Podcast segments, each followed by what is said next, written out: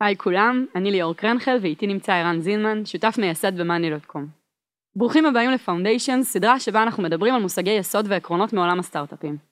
אם אתם חדשים לעולם הזה, או שדווקא רוצים להעמיק את ההבנה שלכם במושגים ששגורים בשפה של כל יזמת וכל עובד סטארט-אפ בימינו, הסדרה הזו היא עבורכם. Startup for startup for startup for startup.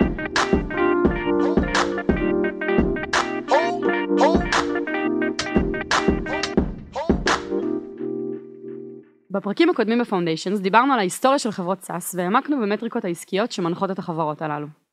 TROI, ARR, CAC, LTV ו-Churn. אם עוד לא שמעתם אותם, במקרה של המיני סדרה הזו אנחנו ממליצים מאוד לשמוע את הפרקים לפי הסדר. בפרק של היום נדבר על מספר מטריקות אחרות שמשלימות את סט הכלים. נדבר על conversion to paying, על magic numbers, rule of 40 ו-engagement. בסוף הפרק נענה על שאלות ששאלתם אותנו בקבוצת הפייסבוק שלנו, מוזמנים להמשיך ולשאול ואנחנו מבטיחים לענות. היי ליאור, היי ערן, מה קורה? הכל טוב. ישבת פה כל הזמן הזה, לא רק עכשיו. נכון, נכון. אה, זה קצת אה, קונספט שונה משאר הפרקים, כי בשאר הפרקים אה, כל פרק דיברנו על מטריקה, ועכשיו אנחנו הולכים לעשות כזה סיבוב מהיר על כל אחת. למה בעצם? אולי רק נגיד, נגיד במילה למה כל המטריקות האלה נכנסות בפרק אחד ולא זוכות ל... לא, אני חושב שהן גם אה, יותר קטנות בסקופ, אה, חלקן פחות משמעותיות. אה, פשוט אפשר לדחוס, וחלקם אני גם רוצה להפריך את ה... את ההילה שיש סביבן, את עצם כן. העובדה שצריך להשתמש בהם בכלל. יאללה, אז יש לנו פרק אה, עמוס ומעניין לפנינו. כן. אה, אז נתחיל עם conversion to paying. מה זה conversion to paying בתור התחלה? אז conversion to payment זה בעצם המרה של לקוחות. ממה למה? זהו, אז, אז בואו בוא נדבר על זה. בעצם יש מה שקוראים לו funnel משפך, שאנחנו מסתכלים על קבוצה של לקוחות, אז אפשר לחשוב על זה בצורה מופשטת, נגיד אה, יש אנשים שמגיעים לאתר, ואז תת קבוצה מהם, חלק מהם רק ישימו את האימייל ויירשמו, חלק מהם יסיימו את התהליך של ההרשמה, חלק מהם יסיימו את ה onboarding, חלק מהם אה, יהפכו יש- בתום השבועיים ללקוחות משלמים. כן, אה, וכל זה משפך, כל קבוצה יותר קטנה מהקבוצה לפני זה, כמובן. והמטרה, יש לנו איזשהו יעד, שכמה שיותר מהאנשים שהתחילו את התהליך יסיימו אותו, נכון? אנחנו או, רוצים שה... על זה אני רוצה לדבר, אוקיי. כלומר, אם זה יעד. כן. מדהים. אה, אז בעצם מה זה conversion to payment? זה בעצם אומרים כמה, זה באחוזים, דבר ראשון, כמה אחוזים מהאנשים שנרשמו לאתר, לצורך העניין, בסוף הפכו להיות לקוחות משלמים. זה לא משנה אם זה אנשים אינדיבידואליים או חברות, כמו במקרה שלנו, אנחנו רוצים למדוד איזשהו אחוז המרה בין הנקודה הזאת לנקודה הסופית שהיא בעצם אה, תשלום. כלומר, רק אם אני אגיד את הכל באנגלז, מה שנקרא, כן. באנגלית, אז זה יהיה מ-sign up to payment, נכון? כן. תראי, אפשר אה, לבחור את הנקודה הזאת שרירותית, את נקודת ההתחלה. אה, אני יכול לבחור, אה, בוא נמדוד אחוז המרה בין אנשים שמבקרים באתר לפיימנט. אנחנו בדרך כלל כשמתכוונים ל-conversion to payment, אז זה בין הרשמה, מישהו שאשכרה, בוא נגיד, ניסה. את המוצר, הכניס את הפרטים, לכמות האנשים ששילמו בסוף. וזה יוצא אחוז, לדוגמה, זה יכול להיות שלושה אחוזים. שלושה אחוזים ממי שנרשם, בסוף שילם. זה טוב שלושה אחוז, זה לא טוב שלושה אחוז. או. או, פה מתחיל ה mind fuck. דבר ראשון, איך זה נשמע שלושה אחוז? זה נשמע מעט. נשמע גרוע, נכון? נשמע ממש נמוך. אני אגיד לך גם למה רגע, לא סתם כי שלושה אחוז זה מספר קטן ביחס למאה אחוז, כי זה נשמע כאילו משקיעים באינטואיציה, נשקיע המון המון המון אנרגיה, בסדר? המון פעולות, המון תקציב, המון משהו, כדי להביא אנשים לנקודה מסוימת, כן. ורק מעט מאוד מהם יסיימו את התהליך. כאילו השקעת הרבה אנרגיה וקיבלת קצת, ככה זה נשמע בהכי אינטואיטיבי. נכון. לנו, אחוז ההמרה במאנדיי, בוא נגיד, הוא בערך שלושה אחוז, בגלל זה אנחנו משתמשים במספר הזה. אגב, אני חושב שרוב חברות הסאס אה, שהם no touch, הם, זה בערך האחוזים. no touch הכוונה שאנשים אה, נכנסים ו... שאפשר להירשם. שלא צריך- ולהירשם כן, לבד. בעצ- בעצמך. מהמם. אז אמרת למה זה נשמע מעט, כי זה נשמע כמות קטנה של אנשים. אה, אפשר גם להגיד, אה, פעם מישהו אמר לנו, רגע, אז 97 אחוז אה, מהאנשים לא משלמים? זה פתאום נשמע המון. נכון. אני אקדם שנייה אבל כן את השיחה ואשאל מתוך כמה, כן? כי תמיד כשמדברים באחוזים, אה, צריך להבין אחוז ממה. כן. אבל אני חושב שגם באמת צריך להבין אם זה טוב או לא טוב, אם זה גבוה, אם זה נמוך, אה, ואם זה בכלל אומר משהו. אז למה אתה ישן טוב בלילה כשיש לנו שלושה אחוז המרה מ-sign up לפיימנט? אז זהו, אז אני חושב שיש פה כמה דברים. דבר ראשון, אה, אנחנו מסתכלים על המטריקה הזאת, זה לא שאנחנו לא מסתכלים עליה, אנחנו מודדים אותה חודש בחודש ורואים מה אחוז ההמרה, אה, אבל אנחנו לא מנסים לאפטם את הנקודה הזאת, זאת אומרת אני לא מנסה אה, להעלות את אחוז ההמרה, אבל בעצם אני כן, כאילו אני אסביר שנייה מה אני מתכוון. אוקיי. אנחנו עושים המון A-B טסטים ומנסים לשפר את המוצר והרבה פעמים אנחנו רואים שככל שהמוצר הופך להיות יותר טוב אז יותר אנשים הופכים להיות לקוחות משלמים זה כאילו חלק מהעניין. אבל אני עכשיו אני אשאל אותך שאלה כי אחד הדברים שזה מנתק זה בעצם את השיווק. אני, אם, אם חושבים על זה שדיברנו על המטריקה שהיא נקראת CAC, Customer Acquisition Cost, מה זה אומר? זה מסתכל בצורה יותר רחבה מאשר conversion to payment, כי זה מסתכל כמה אני מוציא על ה marketing וכמה בסוף אנשים משלמים לי, זאת אומרת ואז יוצא לי מספר של יחס ביניהם, וזה בעצם מכיל את הכל. אז עכשיו השאלה היא כזאת, נגיד אני קונה יוזרים בארצות הברית, שם אני מתחיל, בארצות הברית, והאמריקאים פשוט אה, אוהבים את המוצר, זה באנגלית, הם מתחברים לזה, יש להם נגיד גם יותר כוח פיננסי, אז ה pricing אה, מדבר עליהם, ויש לי שם אה, חמישה אחוז המרה conversion to payment, המרה לתשלום, עובד לי אחלה, עכשיו מה, אבל, אבל מה העניין? גם מאוד יקר לקנות אה, יוזרים שהם גרים בארצות הברית, כי פייסבוק וגוגל ויוטיוב ואינסטגרם מבינות שזו אוכלוסייה איכותית, וגם כל חברה אחרת בעולם ולא רק מאנדי, אז יש הרבה תחרות על, על הרבה כמות תחרות. קטנה או כמות מסוימת של אנשים. אז עולה הרבה כסף להביא את היוזרים האלה. מהמם. מצד שני אני מסתכל על עוד מדינה, נגיד אוסטרליה, ואני מתחיל לקנות שם מדיה, והמדיה יותר זולה, כי יש שם פחות תחרות, אבל גם האוסטרלים מתקנברטים בשלושה אחוז ממוצע. לא יודע, סיבות גיאוגרפיות, סביבתיות, לא משנה מה. עכשיו אני אומר רגע, אבל אם נסתכל על היחס בין כמה שעולה לי להביא אותם לבין כמה שהופכים ללקוחות משלמים, זה עדיין יחס טוב, הם משלמים את אותו דבר, ה CAC שלי פחות או יותר אותו דבר, אחלה. אבל אם אני מוסיף אותם עכשיו בעוד אוכלוסייה, פתאום האחוז המרה הכללי של החברה שלי יורד. האמריקאים עשו חמישה אחוז, הוספתי את האוסטרלים, פתאום אני ממוצע של ארבעה אחוז, overall. ה-conversion to payment ירד. אבל בתור חברה, אני חברה יותר טובה. אז זו דוגמה אחת ללמה המטריקה הזאת היא לא כל הזמן צריכה לעלות. בסדר? היא, היא כאילו, זה שהיא יורדת זה בסדר, כי זה אומר שאני כנראה מצליח להביא יוזרים שמקנברטים באחוז יותר נמוך, אבל גם עולים לי פחות כסף. ולכן CAC היא מטריקה הרבה יותר טובה בשביל לעשות על זה monitoring. עכשיו אני רוצה להגיד שנייה משהו על הקטע הזה שבאמת זה נשמע נמוך. אה, זה קצת mind fuck, כי גם פה, אם היינו עושים משהו הפוך, שהוא לדוגמה, שאי אפשר היה להירשם לאתר, אה, אלא היית צריך להשאיר פרטים.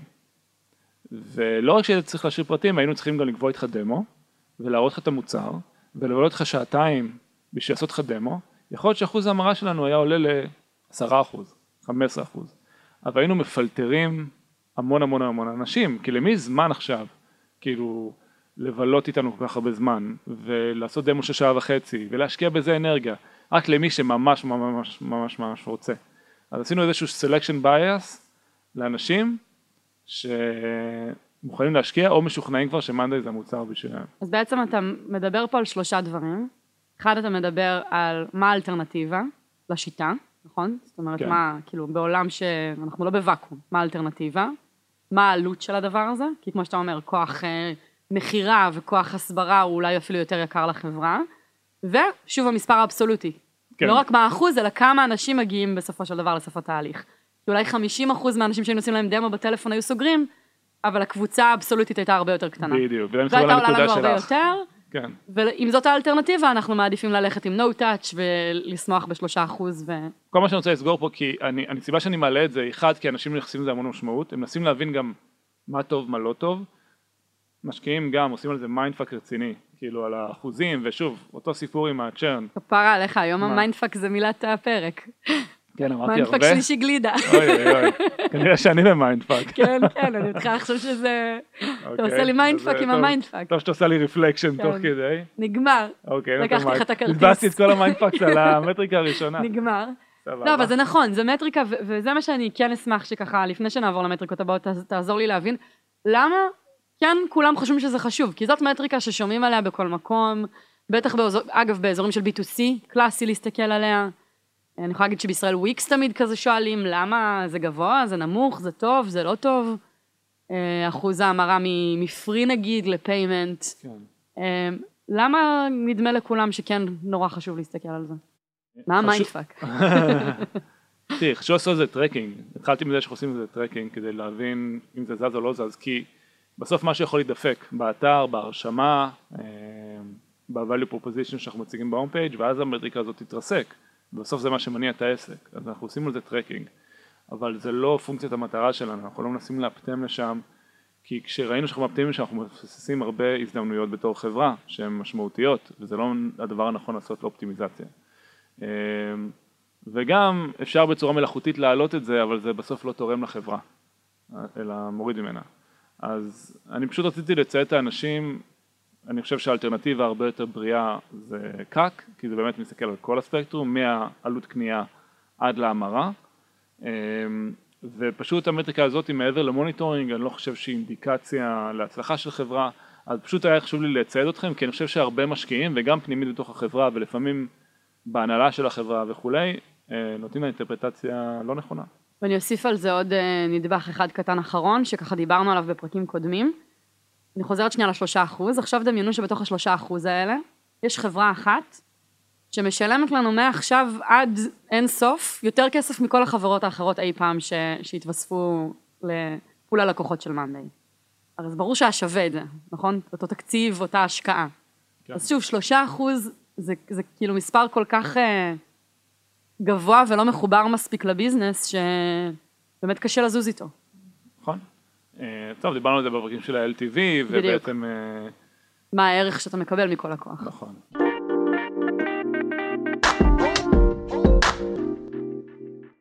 אז מכאן אנחנו נמשיך אה, ל magic numbers, כן.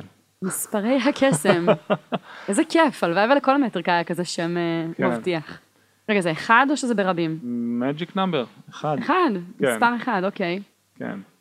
magic number זה כמה ARR הוספתי בתקופה מסוימת, חלקי כמה הוצאתי על sales and marketing בתקופה מסוימת.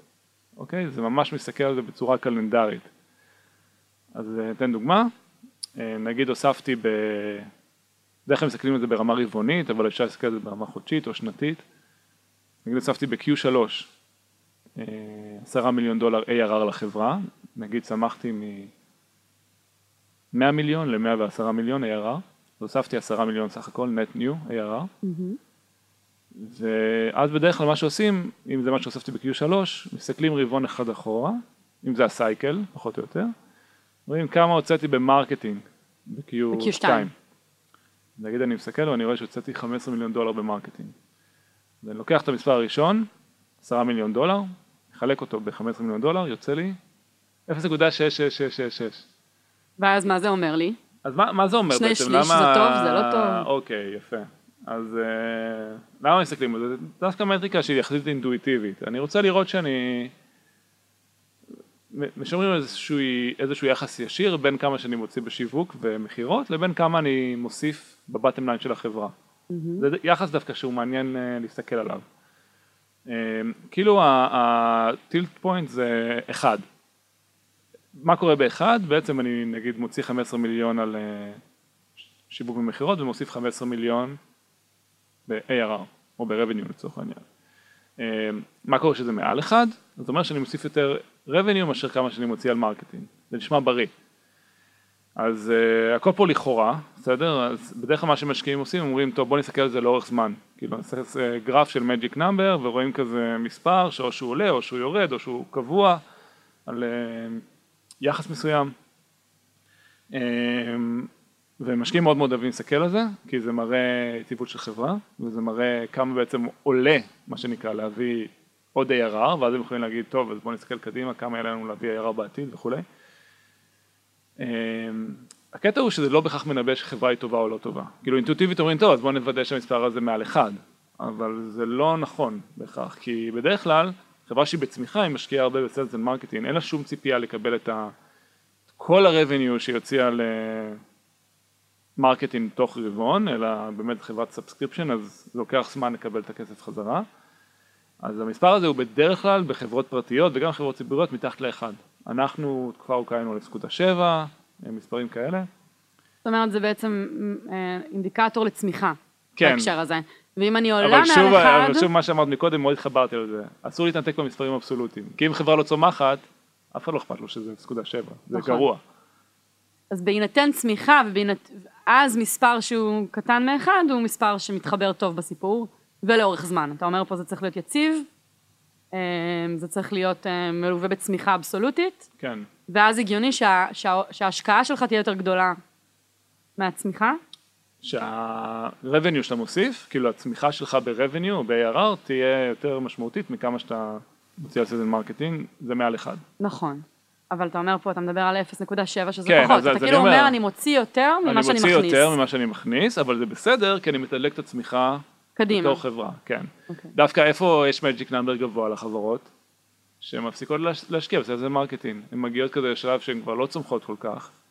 זה כבר לא משתלם להוציא sales and marketing, מתחילות להאט, להוריד cost, ואז פתאום ה magic number עולה, זה לכאורה נראה חיובי, אבל בפועל ה market cap של החברה, המשקיעים פחות מעריכים אותה, כי היא פחות צומחת. אז חברה רווחית הרבה פעמים אולי יהיה לה magic number שהוא חיובי. אתה כבר נכון. אומר, זהו, סגרנו את כי הם- הברז, אנחנו כי הם חיים על מה מפסיקים שקיים, להשקיע ב sales and marketing. ואומנם על פניו שוב נראה שיש יותר כסף, אבל לאורך זמן, כן, זה מעט. עכשיו, למ- למה אני מדבר במושגים דווקא של חברות ציבוריות? כי אחת הסיבות שמשקיעים אוהבים את המספר הזה, שאפשר גם לדעת אותו על חברות אה, שהן public בשוק. זה מאוד קל, תסתכלו על אה, כל P&L של חברה ציבורית, אפשר לראות כמה הייתה הצמיחה ב-revenue מרבעון לרבעון, יש את הסעיף של and marketing, הם עושים ישר את החלוקה הזאת. יש זה להם- נתון שקוף וציבורי. כן, נכון. אז יש את הבנצ'מארק לחברות ציבוריות ועוקבים אחרי זה, אז גם לוקחים את זה לחברות הפרטיות, אה, ומשקיעים מאוד אוהבים להסתכל על המספר הזה. משהו על הסייקלים, כי הזכרת את זה בקטנה. אז, כן. אז אני מניחה שבאמת, אתה יודע, אם יש חברה שלוקח לה אה, חצי שנה להביא לקוח, לא הגיוני שתסתכל על זה ברמה רבעונית. הם יכולים להסתכל על זה רבעונית, אבל לחלק שני רבעונים אחורה, לא רבעון אחד אחורה. אז נגיד, כמה רבעונים הוספתי ב-Q3, חלקי כמה שהוצאתי על marketing ו sales ב-Q1. אוקיי. צריך כן אה, עוד פעם לבחור כאן יחסים שרלוונטיים לחברה ולקצב אה, עסקים וסגירת לקוחות שלה. נכון. מה. כמעט פשוט מדי, בא לי לאתגר, אבל אין לי איפה. לא, אני אגיד לך למה, זה, זה מה שאמרת על חברות ציבוריות, זה סוף סוף גם מספרים אמיתיים. כאילו בהרבה מאוד, אה, מה, נגיד כשדיברנו על churn ודיברנו על CAC, יש המון דרכים, כמו שאמרת, הרבה פרשנות, הרבה אה, מניפולציות שאפשר לעשות על הדאטה. כאן זה שני מספרים שאתה לא יכול, אה, כמו שאמרת, אפשר להחליט אם זה ARR, אפשר להחליט אם זה revenue, אפשר להחליט אם זה sales and marketing או רק marketing, אבל בסוף, מה שהוצאת זה מה שהוצאת ומה שהכנסת זה מה שהכנסת, למה אתה מחייך כזה? כי... כי לא? כי לא.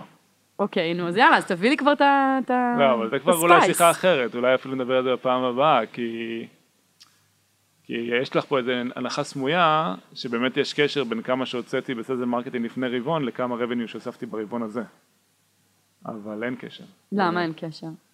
ב-ARR יש קשר, כי ARR זה כמה חברות החתמת, הגדילה ב-ARR זה כמה חברות החתמתי, אבל תחשבי על זה שהרבה מה-ARR שלנו, החדש, דווקא מגיע מ net retention. הרי מה אמרנו לפני כמה פרקים? דיברנו על churn ו net retention. אז אחד מהשיחות שהיו לנו היו ש net retention מעל 100% זה אומר שלקוח שמשלם לי היום, מתחיל לשלם לי עוד שנה, ישלם יותר. תן לי 120 אחוז. עכשיו, הדבר הזה נכנס לי ל-revenue, ל-ARR, אבל אז אני אומר, טוב, בוא נתייחס כאילו אין לי באמת net retention של 120 אחוז, וכל ה-revenue שהוספתי ברבעון הוא הזה הוא, חדש. הוא תודות לזה שהוצאתי sales על. marketing לפני רבעון. הבנתי, אבל זה לא נכון, נכון, אנחנו במציאות הרבה יותר מורכבת מזה. נכון. ואת זה אין לאנליסטים בשוק הציבורי, כאילו, הם אין לא את יודעים, רמת הרגישות הזאת. כן, כלומר, חברה למשל, הם מסתכלים על זה בתור סיבה ותוצאה, כן. בצורה מאוד מופשטת. אני מבינה. יכול להיות שיש גם מערכת יחסים שבאמת עובדים עליה תשעה חודשים והולכת להוסיף המון המון להכנסות, אבל, ואתה מודד עכשיו בסייקלים של רבעון. בוא נגיד לך ככה, יכול להיות שהוצאתי ברבעון מסוים sales and marketing על זבל, הלכתי לשווק אה, חנות פרחים בדיזנגוף, והרבעון שלי עדיין יעלה. כאילו נכון. משמעותית ברבעון הזה, בגלל net retention ולקוחות שהגיעו בלי קשר. הבנתי. קיצור, הגענו לפיזיקה, לסיבה ותוצאה, slash מטאפיזיקה, slash שיעור פילוסופיה, הבנתי, אני משחררת, בסדר. אוקיי, כן. בסדר, אבל אני כן אגיד דבר נוסף, אבל- זה אותו דבר אצל כולם, אז זה בסדר, כי לא, בגלל זה לא, אתה כן אני- אני מקבל אגיד לך benchmark. מה- מה ה mindfuck על ה mindfuck. אסור היה לך להגיד את זה, כן. מה הפוך על הפוך? שזה נכון נקודתית, אבל אם תסתכל על זה כטרנד לאורך זמן, you can fake it. נכון. כאילו זה הקטע. גם טרנד לאורך זמן, וגם בסוף יש benchmark. כי אתה נכון. מחיל את- את הטעות הנגררת, או את האי ודאות הזאת על כל חברה. נכון. אם היית אומר לי יש חברה אחת שנחריג מהדבר הזה, אז הייתי אומרת לך אנחנו בבעיה, אבל אם מה שאמרת עכשיו הוא נכון לכל חברה, אז over time, over time, בדיוק. מספרים גדולים, אתה מקבל איזשהו אינדיקטור. נכון. אוקיי. אז כן, כן. סך הכל אה, מטריקה שאתה מחבב, אני מבינה, זינמן. כן. יחסית לכל שאר... מסמפט, מסמפט, כן. מסמפט פלוס.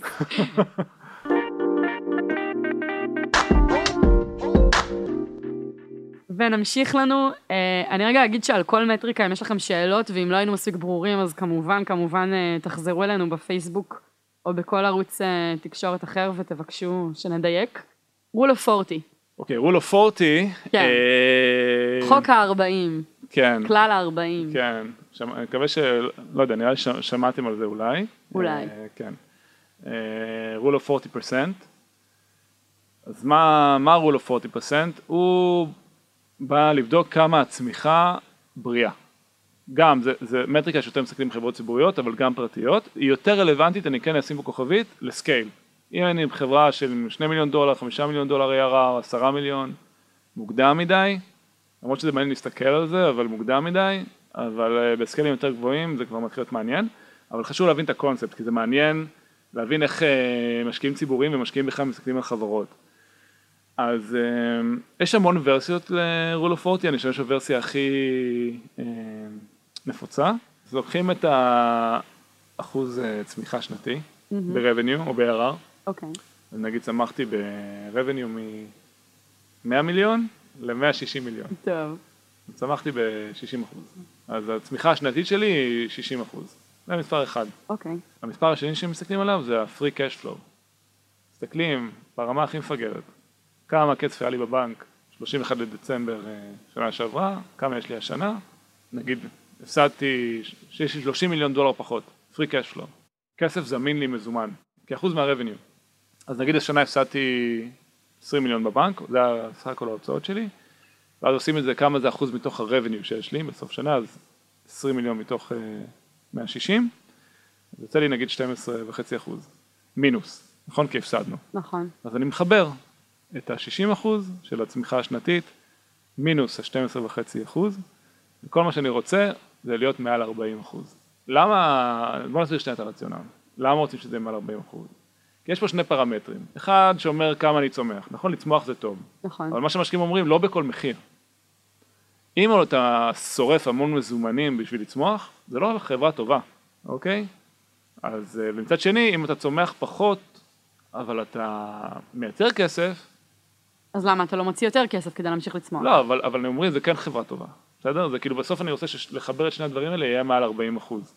אז איך אני יכול לעשות את זה? או שאני צומח מאוד מאוד חזק, ויחסית מוציא מעט cash flow, ואז זה יוצא מעל 40 אחוז, או שאני צומח יותר חלש, יותר לאט, אז אתה אבל- מאט את ה- את אבל ההוצאה של ה-cash flow כסף. שלי יותר עולה, כן. אבל זו חברה טובה, מעל 40 אחוז. יש נגיד חברות שצומחות מאוד מאוד מהר, אבל שורפות ים מזומנים, ים מזומנים, והן יכולות להיות מתחת ל-40 אחוז. זאת אומרת, יכול להיות שהצמיחה השנתית שלהן היא 80 אחוז, אבל הן שורפות, את יודעת, 40-50 אחוז מהמזומן שלהן. וכן, בגלל זה קראת לזה בהתחלה, אני חושבת שזה אולי המפתח, אה, מדד של אפקטיביות. נכון? כי- אפקטיביות צמיחה. בדיוק, אני רוצה לצמוח, עכשיו כמה אפקטיבית אני בצמיחה הזאת. זאת אומרת, כמה דלק אני שורפת כדי לאפשר את הצמיחה הזאת. והמטרה היא שאני אצמח הכי הרבה, ואוציא הכי אפקטיבי. לא בהכרח הכי פחות, אבל... והראו ל-40, 40 זה סוג של מדד אפקטיביות. כאילו משקיעים אומרים, תקשיב, אם אתה שורף המון מזומן בשביל לצמוח, זה בעיה. מה זה אומר? שאתה צריך לגייס עוד הון בהמשך, ש... מה זה אומר? שככל שתרצה לצמוח יותר אתה תשרוף יותר כסף, יש פה איזושהי בעיה. מטריקה מאוד מעניינת, אני חושב ששווה להסתכל עליה, אני יכול להגיד לכם, ממה שאני קורא ומסתכל על uh, public market investors, על uh, משקיעים ציבוריים. כן, מאוד מאוד מסתכלים על המטריקה הזאת בחברות סאס, מאוד מאוד מאוד. אה, מאוד מעניין אותם לראות את היחס הזה, ואני חושב שגם הם, יש להם כזה קטע לפעמים שהם שמים המון המון חברות על אה, טבלה כזאת, שציר ה-Y זה הצמיחה וציר ה-X זה ה-free cash flow, ומראים איך חברות שנמצאות מעל הקו הזה, פשוט valued הרבה יותר ב market cap, במכפילים, מאשר חברות שנמצאות מתחת לקו הזה.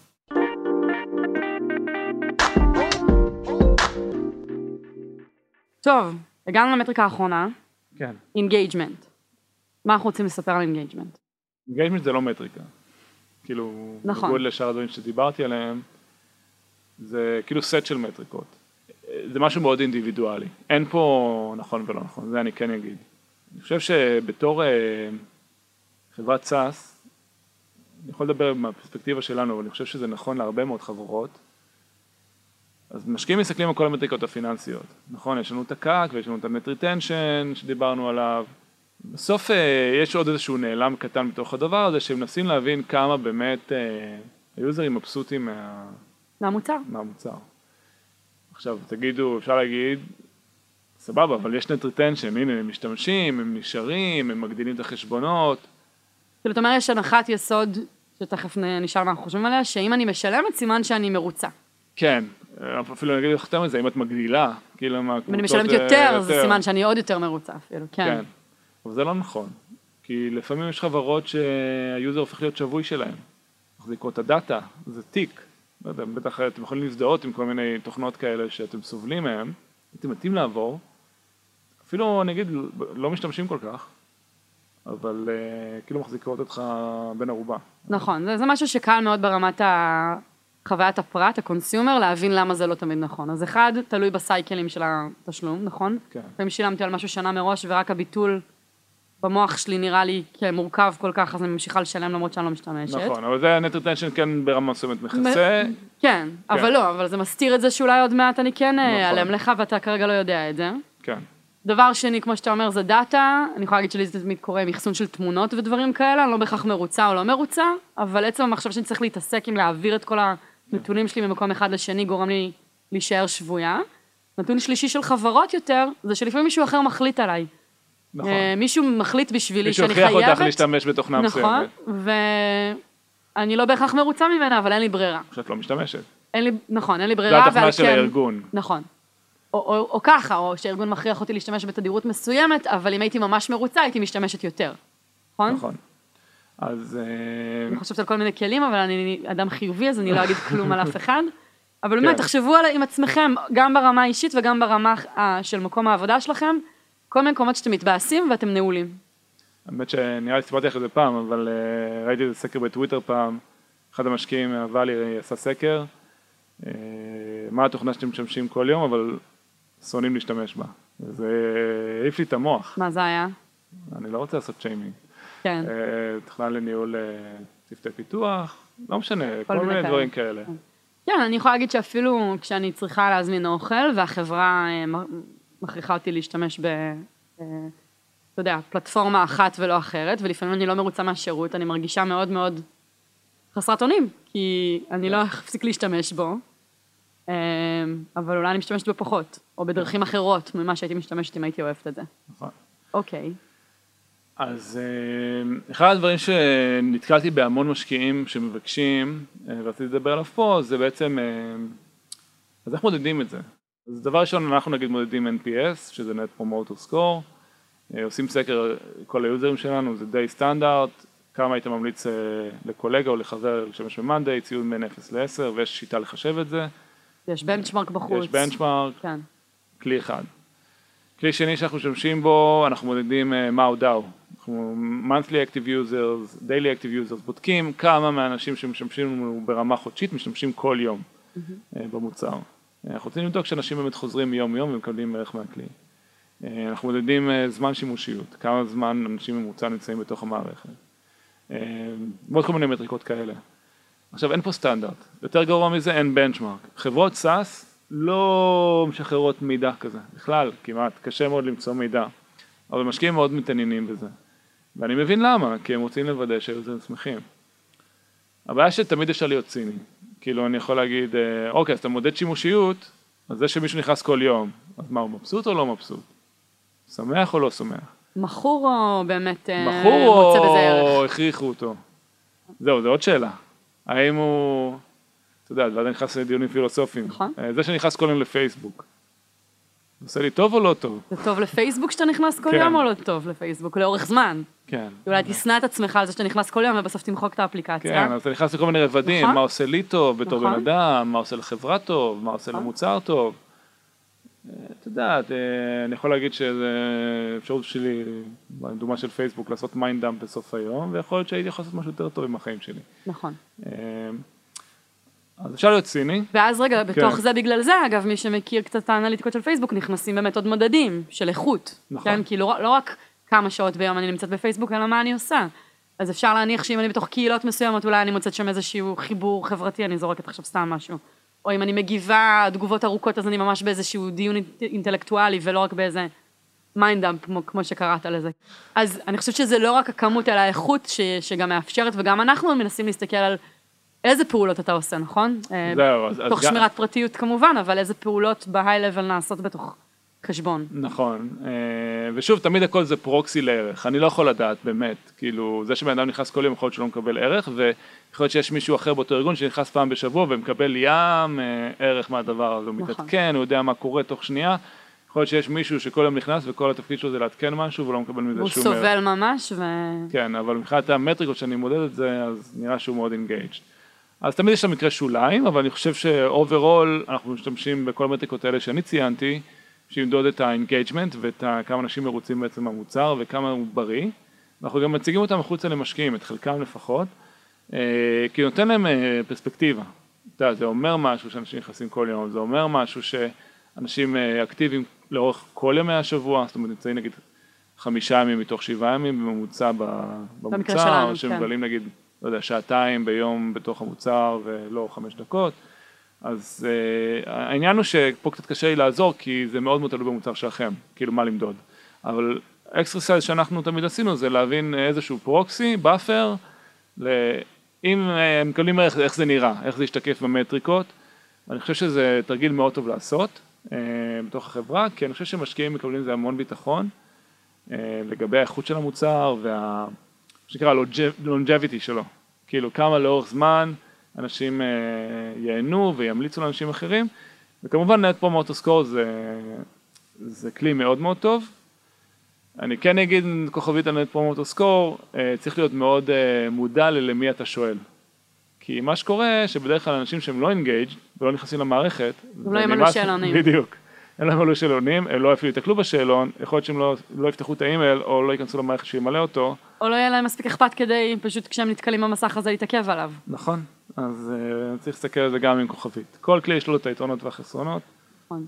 אני רוצה גם להזכיר בנקודה הזאת שיש לנו פרק עם שירלי באומר שהיא product lead במאנדיי, שמדבר על אה, ראיונות של משתמשים. אני חושבת שכל האזור הזה של engagement, גם בשלבים מול משקיעים, תמיד נכון להביא גם את הכמותיות, זאת אומרת את המדדים שעכשיו ציינת זינמן, אבל גם דברים רכים יותר וממש איזה מילים מתחברות לחוויה של לקוחות שראיינתם, של יוזרים שראיינתם, באיזה צבעים הם צובעים את החוויה, כי, כי זה אחד האזורים שאין מה לעשות, התוכן האיכותני מלווה תמיד את הכמות פה. כן. ומשהו, עוד טרנד מגניב שאתה מתחיל לראות גם בחברות ציבוריות, אה, נגיד סלק, אז הם משחררים, אה, הם שחררו כחלק מהתשקיף הנפקה שלהם אה, האחרון. מטריקות. אה, סתם, האחרון, כן, לפני שהם לא ציבוריים. כן. אבל אה, נגיד כמה דקות בממוצע בן אדם מבלה בסלק, אני חושב שזה היה 120 דקות או משהו כזה. הם משחררים גרף של ה-monthly active users, כמה יוזרים אקטיביים בחודש, זה משהו שהוא לא טריוויאלי לחברת SaaS. גם זום אני חושב משחררים כמות משתמשים חודשית. זה מאוד מעניין, אני חושב שזה טרנד וחברות יותר ויותר ידווחו על שימושיות as they go forward, אה, זה באמת מאוד מעניינת, כאילו להסתכל עליה וגם להציג אותה למשקיעים שהרבה מאוד מבקשים.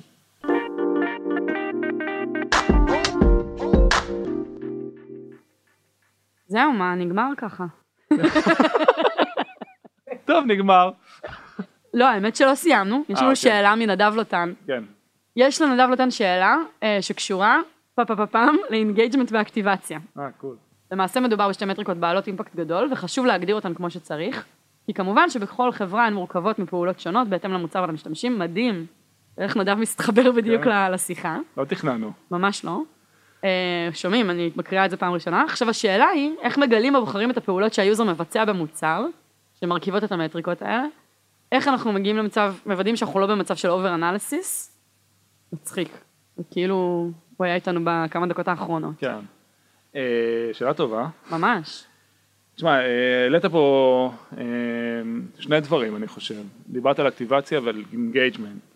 זה שני דברים שונים בעיניי. אקטיבציה זה לקחת יוזר שהוא לא משלם ולגרום לו להתחיל להשתמש במוצר. או משלם ולא משתמש ולגרום לו נכון. להתחיל להשתמש במוצר. זהו, אז, אז דווקא פה שווה לספר סיפור שאנחנו בעבר מאוד מאוד כיוונו כמובן ל-conversion to payment, אפרופו מה שדיברנו, בואו נעלה את האחוז הזה, נשפר את הטמפליטים, נשפר את ה onboarding, נעלה את האחוז. אמ, ואז הבנו שזה חצי נכון, כי לגרום למישהו שלם זה נחמד, אבל בסוף אתה רוצה שהוא אשכרה יתניע, זה נקרא אקטיבציה, ואז אמרנו רגע, מה זה אומר להתניע? נכון. אז אמרנו במקרה שלנו זה שיש לו board ושהוא קיסטם אותו, הוסיף לו עמודות ויצק לתוכו תוכן ואז גילינו בעצם שהיו פעולות שעשינו שקידמו את זה שאנשים שילמו אבל לא קידמו את האקטיבציה. נכון. אז אמרנו זה, זה לא טוב. וגם ממש הגדרנו סט פעולות שרק אם הפעולות האלה מתקיימות זה נחשב ש ה account הזה שהחשבון עכשיו עבר אקטיבציה. כן, ואז ניסינו לדחוף אה, לופו, אה, שהיא גם product lead במאנדיי, זה ממש הפרויקט שהיא לקחה על עצמה במשך תקופה ארוכה, נכון? לגמרי. אה, של איך בעצם נוודא שבתוך המוצר יש פעולות שעוזרות לקדם אקטיבציה. כן. אז תראו, פה, פה זה מאוד אינדיבידואלי, אני חושב שכל מוצר בפני עצמו, הייתי מנסה לחשוב אם אה, יוזר מצליח להבין מה המוצר עושה, אז איך זה נראה בהתחלה. אז נגיד אה, בספוטיפיי הייתי מצפה שהוא יקשיב לחמישה שירים. אה, בנטפליקס הייתי מצפה שהוא יראה סדרה, פרק אחד מסדרה לפחות. ב-Waze כאילו, הוא יכניס כתובת אחת אמא וייסע של אליה. אה, אשתי יעל רצה נטפליקס, פתחתי לה חשבון, שילמתי, והיא לא ראתה סדרה. אז היא לא activated, היא נכון. פשוט converted ל-paying user, אבל היא הולכת לעשות churn. כאילו, זה אשראי שלי, אז כדי שתעשה. תראה איך נדב הרים לנו ל-closure על הפרק, כי כן. התחלת באמת עם המטריקה של ה-conversion, והוא החזיר אותנו לשם אבל עם עוד תובנות. לגמרי. אני חושב שצריך להבין כאילו איך נראה. בוולט זאת תהיה הזמנה ראשונה. נכון. אה, ולא רק נכנסתי ומצאתי אוכל, לא, לא רק אבל לא להכניס את הזמנתי. האשראי, או נכון. אובר זה נכון. המונית הראשונה שאני אסיים את הנסיעה איתה. לגמרי. כן. אז אה, אקטיבציה. ואני חושבת שזה, ששאלות על אקטיבציה הן מאוד חשובות, כי הן מחזירות את כל אחד מאיתנו לאסנס של המוצר, כן? כאילו, מאוד קל, בטח במוצרים שהם עמוסים, נגיד היום במאנדי יש הרבה דברים שאתה יכול לעשות כשאתה נכנס, אבל זה ממש מפקס אותנו על מה חשוב שתמיד יהיה הדבר הראשון שבן אדם רואה, אה, כי בלי הדבר הזה הוא לא יגיע לשאר הערך. אז נגיד ווייז, סתם כדוגמה, אם בווייז היום אתם יכולים לחפש תחנות דלק, ואפשר לראות פרסומות, ואפשר לבדוק אה, איפה יש פקקים, בסוף אם לא הכנסתי כתובת ויצאתי לדרך, שום דבר מהדברים האלה לא מתקיים. כן. ולכן חשוב שתמיד הדבר הראשון שאני אראה, אפילו ברמת ה-user interface, יהיה איפה מכניסים את הכתובת. נכון, אבל אז אנשים יכולים להגיד, בסדר, אז הוא ישלם, אז מה, מה ההבדל? כאילו, אז הוא ישלם אחרי שהוא העיקר יבין. שהוא משלם. לא, הוא ישלם אחרי שהוא יבין, אבל זה לא עובד ככה. כמה חברות יש, אה, שדבר ראשון מבקשות ממך אשראי בהתחלה. או לחילופין, אתה לא יודע מה לעשות, אומר, רגע, אולי אין לי את כל הפיצ'רים, אני שנייה אעשה upgrade, אני אבין מה חסר לי, ואז אתה מגלה שאתה מקבל את אותו מוצר ולא קיבלת שום דבר. או שלא ניסית אותו באמת, ואז פתאום יש את ה-pop-up של אה, הנה נגמר ה-trial בוא תשלם, אתה אומר, רגע, אני רוצה לתת לזה הזדמנות, ואתה לא באמת נותן. נכון. אז אני חושב שיש הבדלה מאוד משמעותית בין שני הדברים. לגבי engagement, אז דיברתי על זה מקודם, אה, שוב, זה proxy, engagement זה יותר לאורך זמן, כאילו בשונה מאקטיבציה שזה אירוע חד פעמי בזמן, שאתה יכול להגיד הנה עברת threshold, לא עברת threshold, engagement זה לאורך זמן, לראות שהבן אדם אקטיבי, ופה צריך להבין מה זה, זה כמות פעולות שהוא עושה, זה כמות פעמים שהוא נכנס, איקס נסיעות בחודש באובר, איקס סדרות בנטפליקס, לא משנה מה. אה, אני, אם אני לא נכנס לנטפליקס הרבה זמן, הם שולחים לי מייל, אתה יודע, יש אה, סדרות חדשות, בוא תסתכל, הם רואים שאני הופך להיות user לא אקטיבי, זאת אומרת, churn, משתלם אה, שאני על חשבון משפחתי ואני לא שומע שזה מערכת יחסים חד צדדית אצלי. כן, זה אתה אומר, אבא שלי מקבל מיילים מנטפליקס? יכול להיות. זהו, מה- החלק האחרון בשאלה? לא, זה זה, כן. איך מגדירים? אז אני חושבת שענינו על זה, איך מגדירים, צריך להסתכל על הערך של של המוצר, נכון? ועל פעולות גם חוזרות, כן? כן. אני חושבת שכל דבר שהוא חד פעמי אז הוא פחות ב-engagement. רק אגיד לכם בתור אחד שעשה את ה-exercise הרבה פעמים, תמיד יושב מישהו בחדר ויגיד, אבל הנה יש איזה סוג של user שהוא כן מקבל ערך, והוא לא- יש מלא קצוות. כן. ת- תמחקו את זה, כאילו תסתכלו על המסה, כי אחרת אה, אי אפשר לצאת מזה, כאילו אין. מטריקה מושלמת. זה די פשוט, כאילו תבינו proxy שעובד, ו... בהתנהגות אינטואיטיבית, לא כן, לחפש את לא, ה... לא להיכנס לפינות, את נכון. היוזרים המוזרים כאילו, ש... נכון. מוזרים וגם ה- אני חושבת שאולי, מעניין אותי זה מה אתה חושב, מה, עוש- איך מסתכלים על זה במצב של early adopters? כי הרבה מהאנשים שמקשיבים לנו יש להם רק יוזרים ראשונים, הרבה פעמים היוזרים האלה הם אנשים שהם החברים שלהם, או שהם חברות שכזה, אתה יודע, דיזיין פרטנר, גם האם שם אתה כן יכול לנרמל, או ששם אתה דווקא תניח שזה טיפה קיצוני כי... לא, שם המספרים נורא קטנים, אז uh, אני חושב שדיברנו על זה בפרקים uh, בעבר, אבל פקטור מאוד משמעותי זה דווקא עצם זה שמוכנים לשלם, כי בסוף uh, אתה עדיין רוצה לקבל ולידציה בכלל שמישהו מוכן לשלם על הדבר הזה. בגלל שזה מספר קטן של אנשים, אז לדבר ולקבל פידבק, uh, מה שנקרא איכותי ולא מספרי.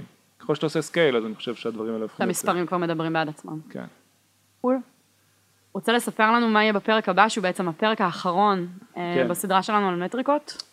כן, אז הפרק הבא הולך להיות אה, די שונה, כי אנחנו לא נדבר על מטריקות, אלא אנחנו נדבר על משהו שמה שאני אגיד בסוגריים, הלוואי שמישהו fucking היה מספר לי את זה בהתחלה, על איך זה נראה המסע הזה של חברת SaaS, כי לא היה לי מושג למה אני נכנס. אה, נדבר על, על כמה דברים, איך זה נראה, כאילו מה לצפות בשנים הראשונות, איך זה נראה אחרי שלוש ארבע שנים, מה העוצמה של חברת SaaS, למה זה מצליח ולמה החברות האלה מקבלות market cap גבוה היום בשווקים, וגם אה, על מה זה חברה טובה, כאילו מה זה אחוז צמיחה שהוא טוב, מה מבדיל בין חברה טובה ללא טובה, למה חברות SaaS מתות, אה, אז כל הדברים האלה. כל המסע הזה של להיות חברת SaaS. כן, יותר כזה בפרספקטיבה של, ה, של המסע באמת, כאילו בתור יזם, בתור מישהו בחברה, בהנהלה, אה, לקבל פרספקטיבה יותר רחבה מה, מהמטריקות.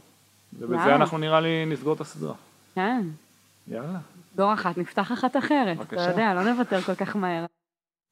תודה רבה, ערן. תודה ליאור. תודה רבה לכם שהאזנתם. Startup for startup for startup.